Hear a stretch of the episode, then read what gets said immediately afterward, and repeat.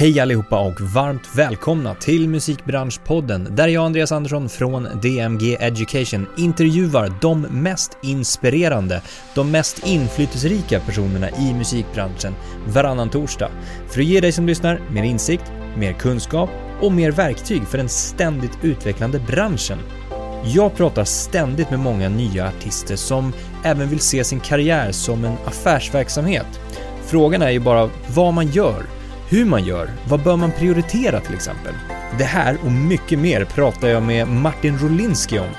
Martin som både har varit artist, jobbat bakom musiken och nu även som entreprenör där han har startat och driver We Are Voice. Vi pratar om allt från affärsaspekten kring att vara artist till utmaningarna med att skapa en helt ny tjänst och även förklara varför den behövs. Varmt välkomna, vi kör igång! Martin Rolinski, varmt välkommen till Musikbranschpodden. Kul att vara här. Jättekul att ha dig här. Hur är läget? Det är fredag. Det är fredag den 21 februari va? Ja, det stämmer. Ja. Och eh, du, jag mår faktiskt alldeles förträffligt. Eh, idag eh, kom det ut lite trevliga nyheter också som man kan gå ut med nu. Mm. Um, som vi kommer in på lite längre fram också. På, så att vi har det som en liten sån här cliffhanger. Exakt, exakt. Skitbra, mm. Men eh, veckan, jag tänker så här, är du en sån person som reflekterar mycket kring hur saker och ting har varit? Går igenom, utvärderar? För lite tror jag. Men, jag, jag okay. tror jag skulle vilja göra det mer. Mm. Alltså jag är lite så här, optimist, skygglappar på, nu kör vi. Mm. Och skulle ibland behöva, kanske inte vara pessimistisk, men ibland vara lite mer eftertänksam. Okej. Okay. Om jag, ska, om jag ska beskriva mig själv. Är det någon gång du känner att så här, du har råkat inte illa ut men att det, det gick lite för mycket ja, men, här... ja men livet består ju av en massa misstag som ibland blir rätt. Liksom. Mm. Så att, um, um, och jag tror att det är det som kanske kommer med lite erfarenhet också och en viss ålder. Det är att man lär sig vilka väggar som finns som man kan gå in i och den här eftertänksamheten kanske utvecklas och blir lite bättre. Mm, mm. Um, så att, så här, hade jag fått den frågan ställd för fem år sedan så hade jag sagt, ja men jag kanske är eftertänksam. Nu förstår jag att jag kanske behöver bli ännu mer eftertänksam kring vissa saker. Uh -huh. Så det är väl lite sådana här erfarenhetsgrejer som man lär sig. Inte minst om man jobbar som artist som vi kan prata om sen. Ja, exakt. Och apropå det då, är du lite kopplad till det? Är du otålig som person? Känner du att du vill ja. att här, det ska hända igår? Ja, det, det är jag. Uh -huh. Um, jag skulle vilja påstå att jag tänker relativt fort. Så att ibland kan jag vara lite jobbig att prata med för jag har en tendens till att jag vill slutföra människors meningar och tankar vilket ibland kan bli jättefel om vi tänker olika. Ehm, men generellt sett så har jag en tendens, jag ska försöka undvika det idag, mm. men jag har en tendens till att vara ganska otålig, ja. Men du, um, många kanske känner igen dig från, alltså som artist. Stämmer bra det. Ja. Och från gruppen BVO. Mm. Bodies Without Organs. Vi hette Bodies Without Organs först. Just det, och men, sen blev det förkortat. Men sen när en tysk skivbolagschef skulle presentera oss på det stora Universal-mötet så We have boys with small brains! Då fattade vi liksom att de här, det går inte. Nej. Utan vi var tvungna att hitta en enklare, så det blev det BVA. Ja, precis. Eh, helt enkelt. Och det är väl liksom din officiella eller din ehm, eh, utåtriktade karriär som de flesta känner igen. Precis. Eh, men vi ska prata mer om andra saker också som du har gjort. Alltså vi ska prata om affärsaspekten kring att vara artist, artistentreprenör kanske, eh, kreatör, mm. men också mm, lite tekniskt bakomliggande saker och ting. Mm. För du har ju lite en annan eh, resa. De flesta om man liksom tittar på kreatörer mm. så har ju de börjat väldigt, väldigt tidigt. Man spelar ja. ett instrument eller liknande eh, i skolan eller mm. man repar med band och sådana saker. Och sen inser man att ah, men jag behöver någon bas och någon plugg, liksom mm. plugga det och, och, och, stå på ifall inte mitt artisteri Ja, precis. Du kommer ju från det andra Ja, för mig var det tvärtom. Jag började med basen. Ja, eh, och ganska liksom avancerad bas. Ja, Tekniska nej, högskolan. Ja, men först så skulle jag bli så här tennisproffs, det sket sig. Ja. För att jag var bra men jag var inte bra nog att kunna försörja mig på det. Så jag tackade nej till ett sånt där tennisstipendium i Texas tror jag det var. Okay. Och eh, har då eh, en ingenjör till pappa och liksom och polska föräldrar och du ska studera. Och det, så för mig kändes det självklart att jag skulle göra det, man ska ju bli vuxen och mm. duktig. Mm. Eh, så då valde jag en utbildning på Chalmers som först var jättefel. Jag valde den bara för att det var en cool zebra på omslaget, liksom, inte alls genomtänkt. Eh, bytte så småningom, men då var det liksom studierna som skulle bli. Det slutade med att eh, jag var tvungen att ta sabbatsår för jag ville byta och så ville jag faktiskt satsa på skådespeleri istället. Så jag ehm, skulle, hade liksom börjat planera att åka till London, bo med några polare och gå på skådespelarauditions där. Vilket låter helt bisarrt eftersom att jag hade inte gått någon skådespelutbildning men jag tänkte bara jag kör. Var kom det ifrån då? Kom det från ingenstans? Nej men jag, här... jag har alltid varit intresserad av teater. Eh, jag är liksom kreativ av naturen så jag har alltid varit intresserad av liksom skolteatrar, film och hela den här biten. Och ville bara testa. Jag hade ju mm. inga större ambitioner egentligen. Men jag har ett sabbatsår, jag testar och kollar vad det blir liksom. Um, det resulterade i att dagen innan jag skulle köpa eller nej, några dagar innan jag skulle köpa biljett så ställde jag upp på ett, ett, ett, ett, hur ska man uttrycka det bättre än fyllevad, om att jag skulle våga ställa upp i ett program som heter Popstars. Eh, som var, kan man säga, föregångaren till Idol. Och fyllevadet resulterade i att jag faktiskt gick väldigt långt i det här programmet då. Och där då insåg jag att det här med, med, med musik och artisteri är någonting som är skitkul. Och när man också får en bekräftelse på det man själv tycker man tyck, är väldigt intresserad av och tycker bra, att man faktiskt är bra på det då vill man ju bejaka det ännu mera. Ja, det späder ju på. Så blir det ju. Mm, mm. Um, så att jag kommer liksom väldigt snett in på det här med musik och kanske har ett mer analytiskt sätt att betrakta musik på. Mm. Så är det det du tar med dig då från liksom dina, dina tekniska studier? Um, Eller finns det mer som du kan plocka med dig från den tiden in i det kreativa? Ja, alltså i det kreativa, det, det, är, ju, det är ju kanske det logiska tänkandet. Ja. Som jag tror att många underskattar hur mycket de faktiskt bearbetar när de jobbar med musik. Det finns väldigt mycket logik i det. Mm. Och sen så utifrån liksom mitt, generellt sett vad jag fick lära mig med de jag jobbar med och när jag, i och med att jag hållit på med elit, elitidrott så är det faktiskt arbetsetik. Ska du vara bra på musik, generellt sett, producent, låtskrivare, artist, vad som helst, det är ett hantverk. Och inget hantverk blir bra om inte man har och jobbar hårt med det. Mm. Och inser att du behöver utveckla dig själv hela tiden. Eh, så det är väl de bitarna tror jag. När insåg du att det var en, en liksom business bakom också? När insåg du att det fanns en, en affärsperspektiv? Dels så, så insåg jag och tittade på det hela tiden. Alltså jag, jag, jag jobbade, jag tycker det är viktigt när man är ung eller hela tiden i, i, livet, att man alltid försöker lära sig någonting. Mm. Det är väldigt viktigt att man inte tror att man kan allting. Du kanske kan framhäva det, men var ödmjuk inför att ta in information, vilket var det jag försökte göra. Så jag såg in väldigt mycket om hur musikbranschen funkar. Började se tendenser och vi hade också lite andra typer av dealer än artister hade med hur vi jobbar digitalt och så vidare. Så det var liksom första steget i det. Um, sen så slutförde, jag, jobb, jag slutförde min utbildning parallellt med att vi höll på med BVO. Mm.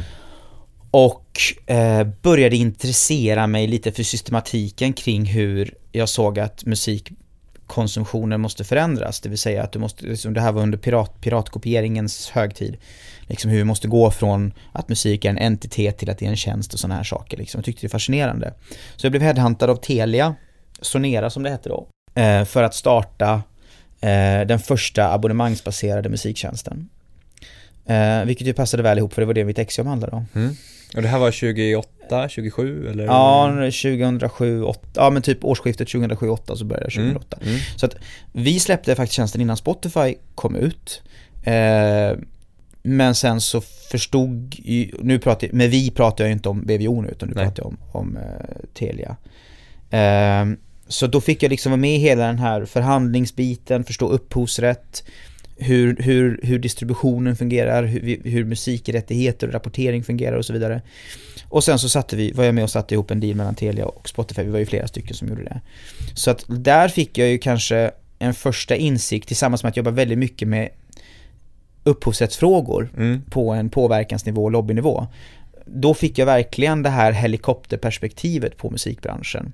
Från att vara artisten till att vara låtskrivaren, till att förstå hur management fungerar, till att förstå hur distribution och upphovsrätt fungerar. Mm. Um, och det gav mig ett ganska intressant perspektiv på musikbranschen som fick mig att tycka att den var lite jobbig ur ett perspektiv. När man vet för mycket så tappar man lite intresse.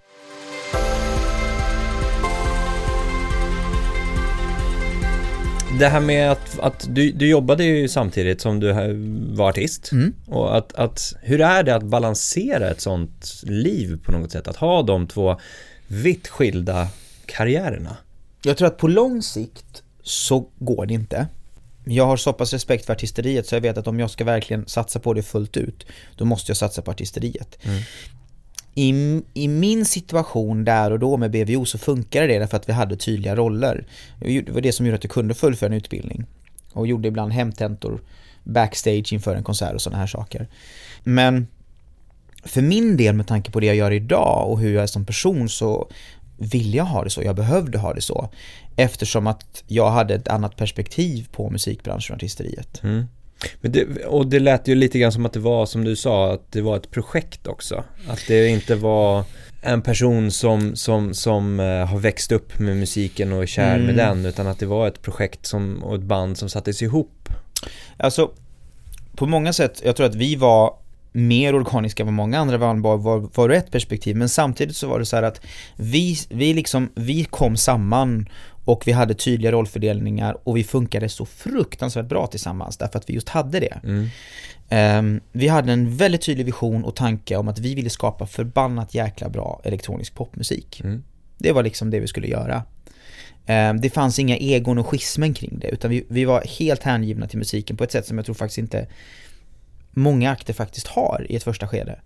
Och, och, det var det som jag tror faktiskt uppriktigt talat gjorde att vi skapade väldigt, väldigt många bra låtar som uppskattades av många, många människor. Grejen med BVO var musiken. Alltså vi lät ju musiken tala, det var därför vi liksom bombarderade så många människor på, på radio. Eftersom att musiken höll. Mm. Och sen så, sen så var ju konstellationen väldigt mycket annorlunda än vad det är i det traditionella bandet också såklart, det hjälpte ju. Eh, men, men vi var alla väldigt effektiva Eftersom att vi alla hade någonting vid sidan av också. Så Mm. det kan ju funka, därför att krasst Betraktar du musikskapandet som ett jobb, du jobbar 9 till 5, du ska få gjort det här, då funkar det. Sen så är, har du kreativa själar som kanske inte funkar på det sättet. Nu råkade vi alla göra det. Mm. Maria drev sitt konstgalleri, jag pluggade, Alexander gjorde allt annat Alexander gör. Ehm, men vi såg till att det gick ihop med bandet och jag tror att det var därför det var effektivt. Det är lite som när, för, när människor blir föräldrar Mm. Man, man blir pappaledig eller eh, vad som helst, eller mammaledig och man kommer tillbaka och man blir väldigt mycket effektivare. Mm. Jag tror att vi hade lite samma sak där, förutom att våra barn råkade vara våra andra jobb då. Just det. Vad, kan man likna det med ett företag? Alltså, eh, i och med att ni hade olika roller, ni hade Ja. en bra rollfördelning, ni, hade, ni jobbade Ja, men, effektivt. ja, men jag, jag tror så här, ärligt talat, ehm, är du artist eller kreatör, då är du en företagare om du ska försörja dig på det. Mm. Och du måste ha den inställningen om det ska funka långsiktigt och du inte ska må väldigt dåligt över det. Om du vill tjäna pengar på det. Självklart. Mm. Alltså, och det är ju egentligen inom den kontexten jag pratar om det. Mm, ja, Alltså, vi- vill du kunna försörja dig på din, din, din, det, det du kreerar, så, måste, så är det den inställning vi pratar om.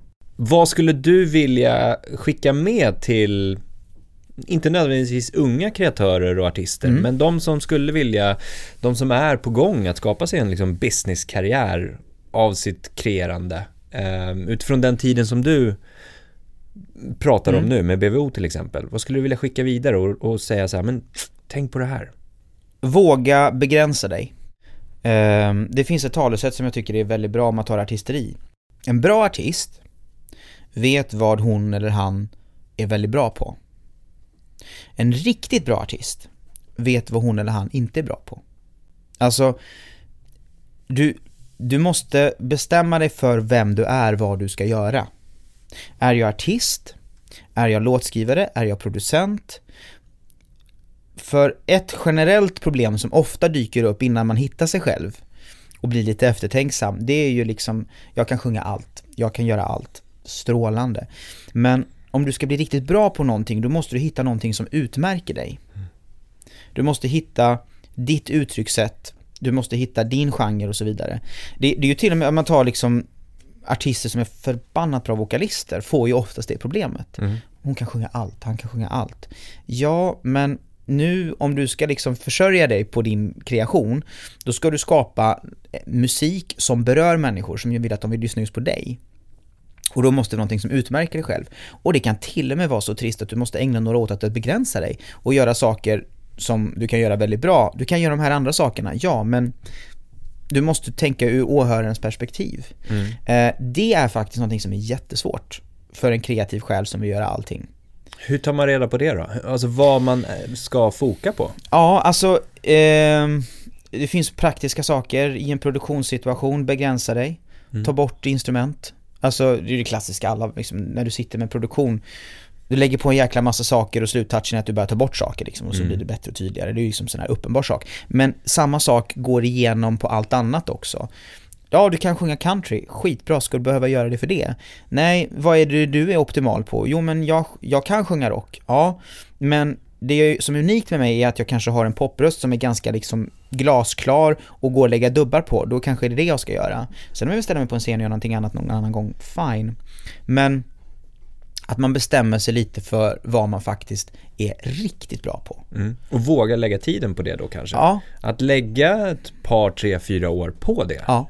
För att bli ännu bättre, som du var inne på. Att Ja. fortsätta utvecklas också.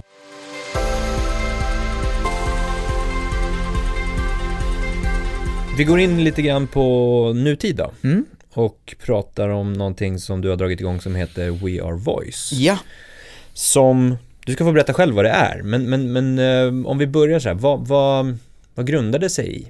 Vad kom idén till eh, konceptet? Ehm, jag fick vara med i ett tv-program som hette Körslaget Mm. på TV4. Och jag eh, hade ju ingen erfarenhet av, av körvärlden. Ehm, och under det programmet så ville jag jobba med en kör som kommer ifrån Hammarkullen där jag är född och uppvuxen i Göteborg. Eh, och det var väldigt speciella omständigheter som vi kan ta en längre diskussion om, men för att sammanfatta vad jag någonstans tog med mig av det. Det var att jag jobbade med människor där många av dem inte hade sjungit så mycket i kör och det jag fascinerades av var hur människor påverkades av att sjunga i kör.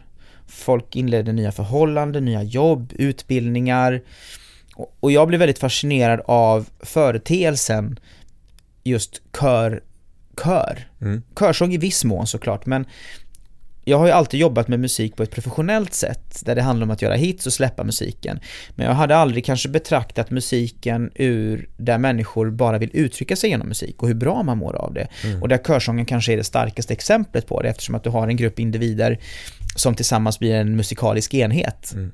Och öppnar upp sig, mår bättre och sen så går de hem och kommer tillbaka. Och då har ju nästan en miljon människor i Sverige som gör det idag. Varför det? Mm. Jo, därför att det är mår som mår bättre. Ja. Vi är över 40 miljoner i Europa som håller på med det och då pratar vi bara om människor som är registrerade. Ehm, Så det fascinerade mig.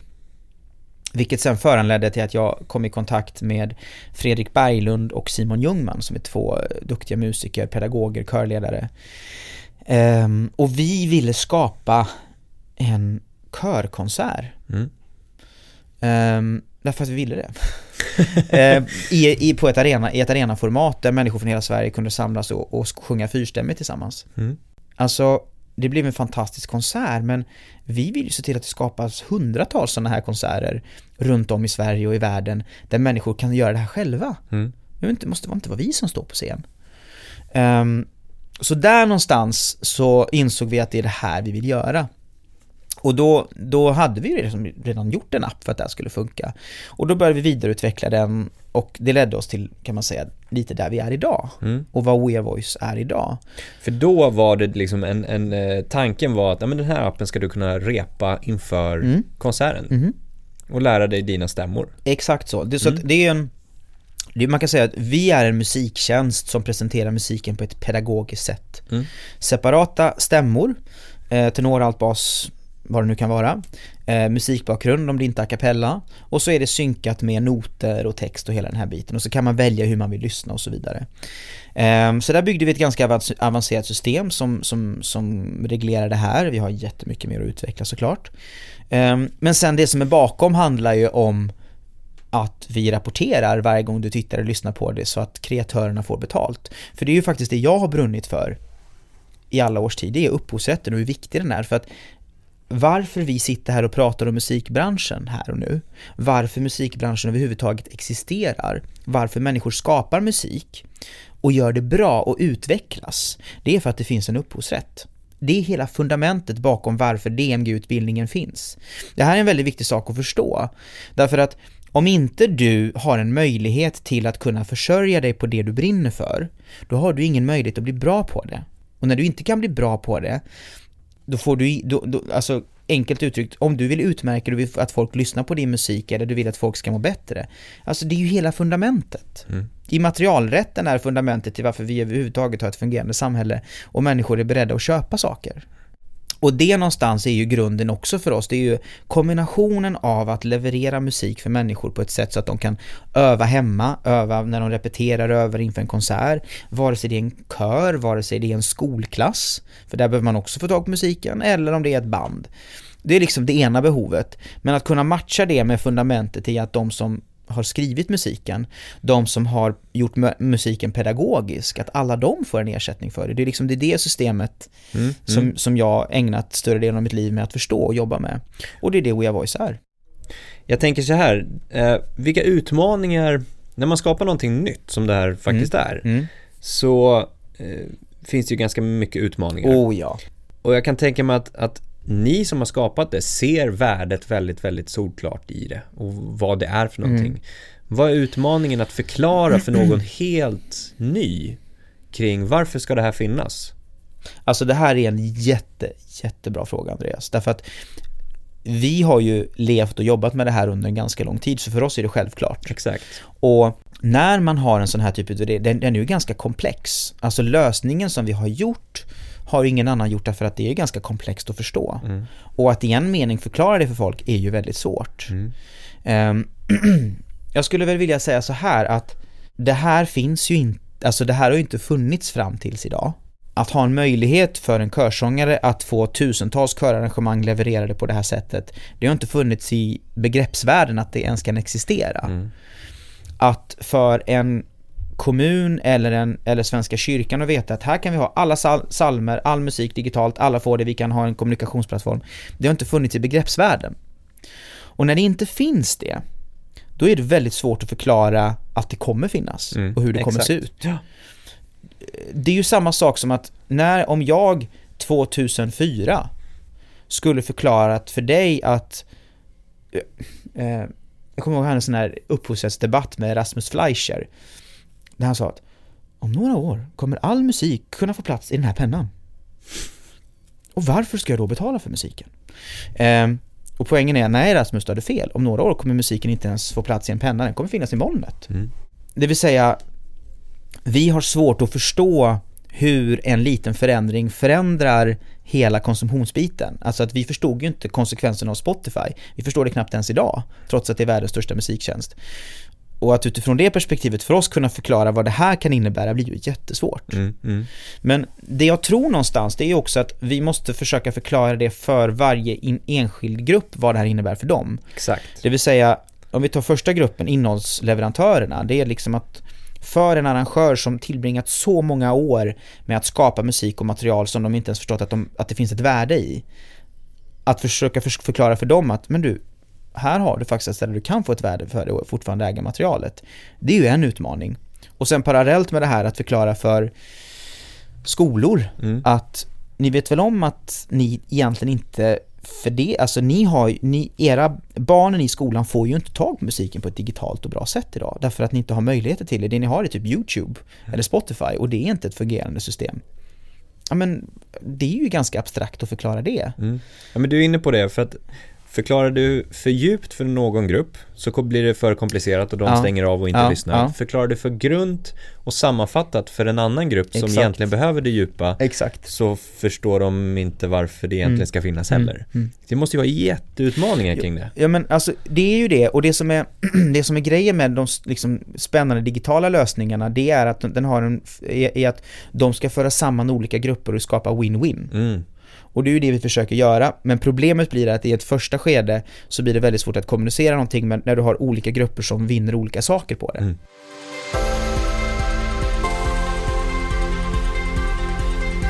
Vi hoppar tillbaka lite grann mm. till affärsaspekten eh, och eh, liksom musikbranschen överlag och kanske mm. kreatörer överlag. Mm. Kan det bli ibland att man fokuserar för mycket på det affärsmässiga. Att man istället tvingar in format för att det ska passa och att man glömmer den kreativa eh, kärleken på något sätt. Det, ja, alltså det finns ju en tendens till att man börjar prata för mycket om affärsmodeller och man glömmer bort det kreativa. Jag håller med dig om det. Um, jag tänker för att det här är en mer komplex fråga egentligen än, än, än vad man kanske förstår i första skedet. Jag menar, jag, jag, tror, jag tror ju så här, jag tror att vi lever nu i en tid där den primära inkomstkällan för en kreatör var att du skapade musik och du fick betalt för att människor köpte din musik. Uh, nu fungerar det på ett annat sätt. Därför att nu blir det lite mer om att du måste göra dig själv relevant genom att släppa låt efter låt efter låt och försöka hitta ett sätt hur du kan komma ut och träffa folk fysiskt och ha livespelningar. Det kan, vi kan säga att det var så förut, men det finns en viss skillnad här. Så att jag tror ju egentligen att på ett sätt och vis så tror jag att de kreativa förutsättningarna för att fokusera sig kring det är egentligen lite mer spännande och roliga idag mm. än vad de var förut. Om vi tittar framåt då?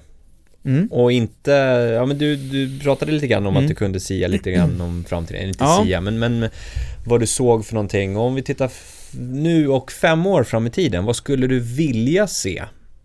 Snarare än vad du tror kommer hända? Jag vill se mycket mer kreativa hubbar som dyker upp. Jag vill se att man tänker lite annorlunda kring hur, jag vill se att artister generellt sett tar ett ännu större grepp och ansvar för sin, sin, e-, sitt eget öde. Och att de går ihop i kreativa hubbar med människor som jobbar både audiovisuellt, visuellt och audiellt tillsammans i hur de ska utmärka sig själva och synas. Och att man ska inse att det finns väldigt många fler kanaler och plattformar där man kan utmärka sig och där man verkligen fokuserar på det. För att vi är idag i ett läge där vi har digitaliserat, vi har gått till streaming men lik förbannat så blir det lite, lite samma typ av same, same but same. Mm. Det vill säga, det är spellistorna som styr. Eh, det finns en tendens till att liksom, de majorbolagen som får bästa audiens och Spotify och se till att de kommer in på rätt spellistor är de som liksom, det är där det råder. Och så ska det ju inte bli liksom. Det får inte bli så att det är det här som gäller, utan jag tror väldigt mycket mer på att hitta kreativa sätt för kreativa grupper av producenter, musiker, artister att utmärka sig själva. Mm. Eh, man ska utmana lite musikstrukturen idag så att det inte bara, jag menar, det, man måste ju komma ihåg att du som artist eh, kan inte liksom förvänta dig att musikbolaget ska leverera allting för dig. Och ärligt talat, det är inte musikbolagets fel eller ansvar att behöva göra det. De ska se till att deras bolag funkar bra. Nu är jag lite hård här. Men de har sin, backlog, liksom sin backkatalog, den genererar pengar, de har sin affärsmodell, respektera det. Eller respektera det, förstå det. Eh, och som artist inse liksom att ja, men vi, må, vi, vi har en större möjlighet idag att ta tag i vårt öde än vad vi kunnat göra förut. Och sen så man åter, åter liksom anknyter till vad det betyder affärsmodellsmässigt, för det är faktiskt relevant, så är det så här att det kommer vara så här. Musiken kommer vara en kran som du stänger av eller sätter på. Och sen så måste du se vad du har för affärsmöjligheter utöver det. Och där vill jag säga så här att, men okej, distributionsmässigt så kommer det vara mer eller mindre som det är. Eh, livemässigt så kommer livescenen bli mer och mer fylld eftersom att fler och fler artister måste ge sig ut för att få det att gå ihop. Men då finns det en till sak som man glömmer bort och det är upphovsrätten. Det vill säga, glöm inte bort de potentiella värden som din musik som du skapar faktiskt har för dig. Och självklart så talar jag i egen sak om jag tar We Are Voice som, ett, som faktiskt är ett bra exempel. Därför att du måste förstå i vilka sammanhang din musik kan skapa ett värde för dig och för världen. Mm. Visst, du har filmer, du har liksom den förlagsverksamheten. Men du har till exempel säkert kanske en 500 miljoner människor i världen som vill uttrycka sig genom musik själva, uttrycka sig genom din musik. Och då är vi en kanal för det, där du kan få ut din musik och du kan ha en upphovsrätt för det.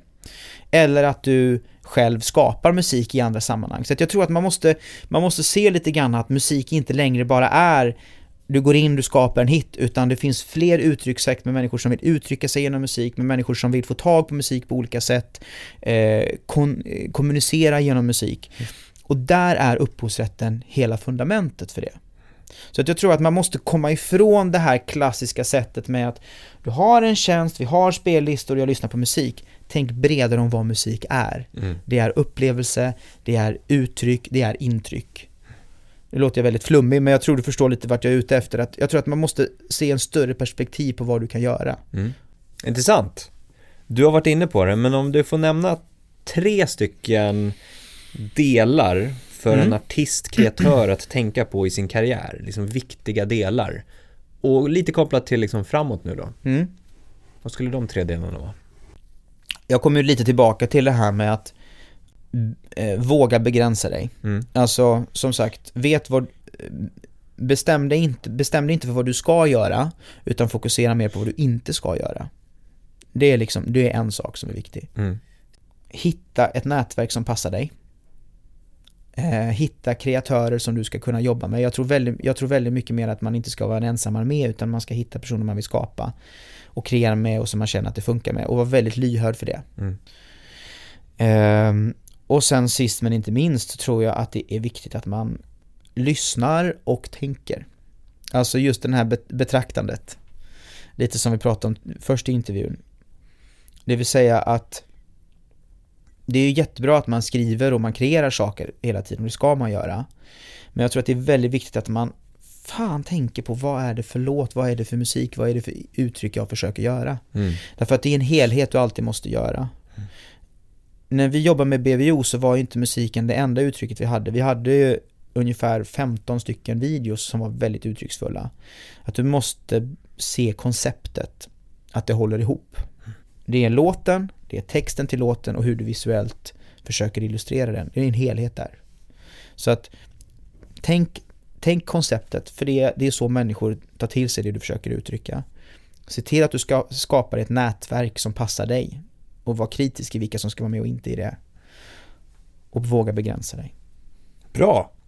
Du ska också få en fråga från gästen jag hade förra gången. Ja. Eva Karman Reinhold. Hej Eva. Som är ordförande i organisationen SOM. Svenska oberoende musikproducenter. Mm. Och hon frågar, varför jobbar du med musik? Vad är eh, det som får dig att fortsätta med det här? Um det finns många kloka människor som har sagt, bland annat Bobby Ljunggren som jag jobbat en del med. Men jag tror att det här, det är någon annan som har sagt det från början så att, men nu para, para, parafraserar jag och att skulle vi så här ta bort musiken ifrån världen. Alltså ingen får nynna, ingen får sjunga, ingen får säga någonting. Jag vet inte om världen skulle explodera, det vet jag inte, men jag tror inte det skulle ta lång tid förrän den här världen skulle bli väldigt, väldigt mycket tråkigare och vi skulle få väldigt, väldigt destruktiva människor som inte mår väldigt bra. Ehm, det är en biologisk naturlig drift att hålla på med musik. Och det är det, som, det är det som gör att jag vill hålla på med det, för att jag själv fått så mycket ut av det. Jag har fått dels för min egen del, dels av människor som har sagt hur min musik har påverkat dem. Eh, men också genom människor som sjunger, spelar och håller på och musicerar tillsammans. Så de är bortser och tar bort allt det här med affärsmodeller och hur du ska utmärka dig själv. Låt oss bara prata om musik som är det vi sitter här för och som, som, som du också har tillbringat en hel del av ditt liv till. Det är när man hör musik som, som på något sätt eh, berör dig så är det någonting som, det, det, det, finns nästan inget annat medium, det finns inget annat sätt att uttrycka sig på som kan beröra en på det sättet, som kan få en att gråta, skratta, minnas saker. Och det är faktiskt det jag kommer tillbaka till. Det som driver mig, det som gör att jag vill hålla på med musik, det är för att jag anser att det är kanske den renaste och vackraste uttrycksformen vi människor besitter. Härligt. Och sen får du ställa en fråga till nästa gäst. Vad är du jäkligt dålig på inom musik?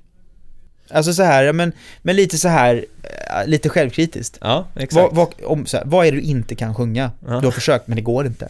Vad är det för typ av musik du inte kan skriva? Och liksom, håll dig hyfsat nära inom den genren eller det du jobbar med. Mm.